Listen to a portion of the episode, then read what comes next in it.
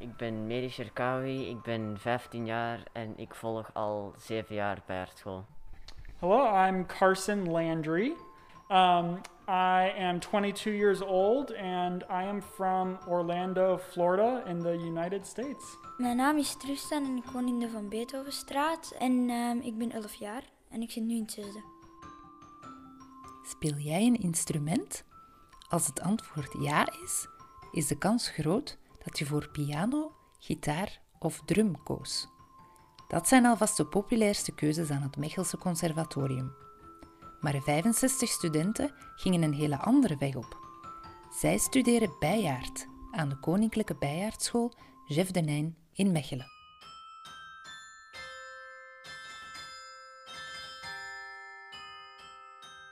Ik ben naar hier gekomen omdat ik in het vierde ehm, naar ehm, de bijaardschool ben gekomen met de hele klas. Omdat het hier een workshop was. En sindsdien vind ik het leuk. Dus En wat sprak jou dan zo precies aan in, in dat bijaard spelen? Want het is toch geen evidente keuze, hè? Waarom precies die bijaard?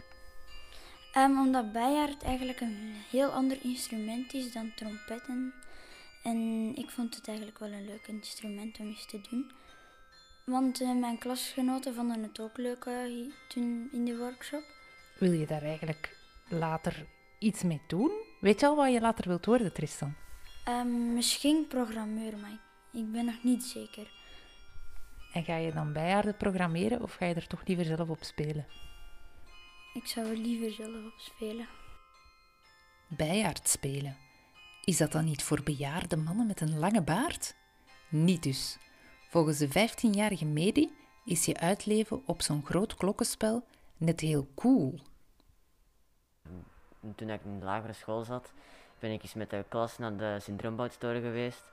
En toen hebben we ook eens eh, de persoon die dan op de paard aan het spelen was, die was eens een stukje aan het spelen. En eh, toen dacht ik, wow, dit instrument ziet er mij er wel cool uit.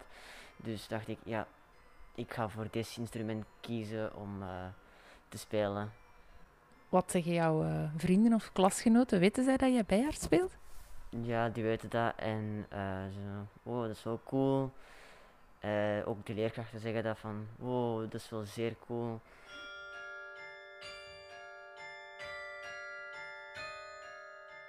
En ook internationale studenten vinden hun weg naar de bijaardschool. Carson kwam in Mechelen terecht omdat hij op zijn UNIF in Californië de smaak te pakken kreeg. Hij ziet een toekomst als parttime bijaardier in zijn thuisland zeker zitten. I'm here at the Carillon School.